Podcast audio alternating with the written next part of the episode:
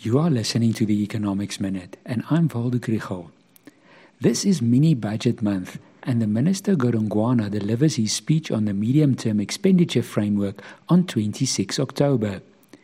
We know that two years of tax windfalls mean that the Minister has a little room to maneuver, and there are expectations on all sides of the spectrum.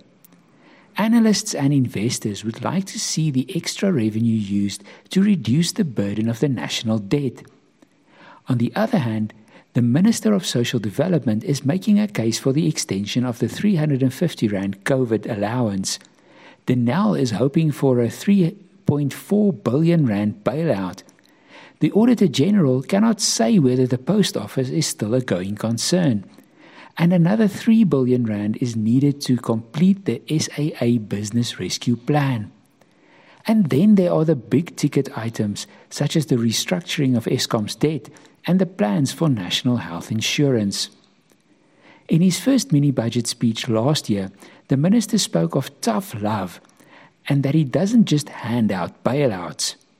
Then, when he does give help, the markets keep a close eye on it and Eskom's debt is a good example.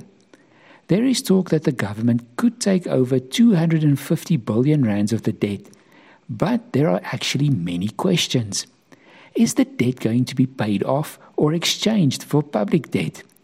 Is it guaranteed or the unguaranteed debt? Is it the short or the long term bonds that are in question?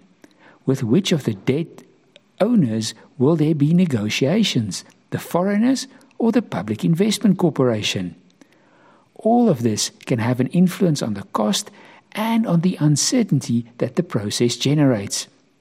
It would be good if there were a way to take the pressure off the minister. If the reform minded people in the government could credibly commit to permanently take some of the worst ideas off the table, it would make a big difference to investor confidence.